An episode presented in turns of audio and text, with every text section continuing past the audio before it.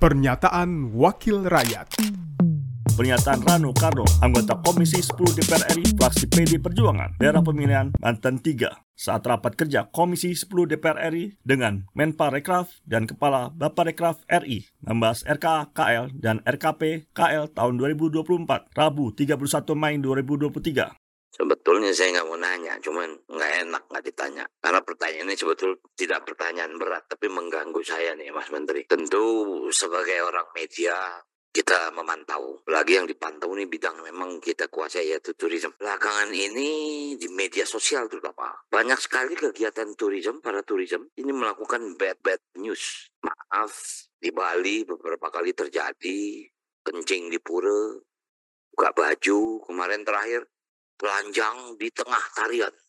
Ini ini ya pribadi-pribadi ya.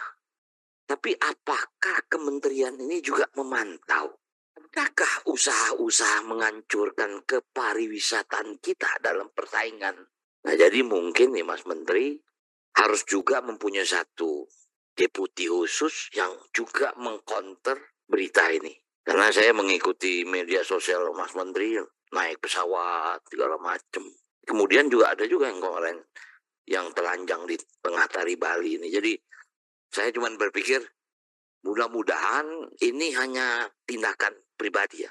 Tapi yang saya khawatirkan kalau ini sebuah organize, nah ini impactnya sangat luar biasa di tengah persaingan. Pernyataan Rano Karno, anggota Komisi 10 DPR RI, fraksi PD Perjuangan, daerah pemilihan Banten 3, produksi TV dan radio parlemen, Biro Pemerintahan Parlemen, Sekjen DPR RI.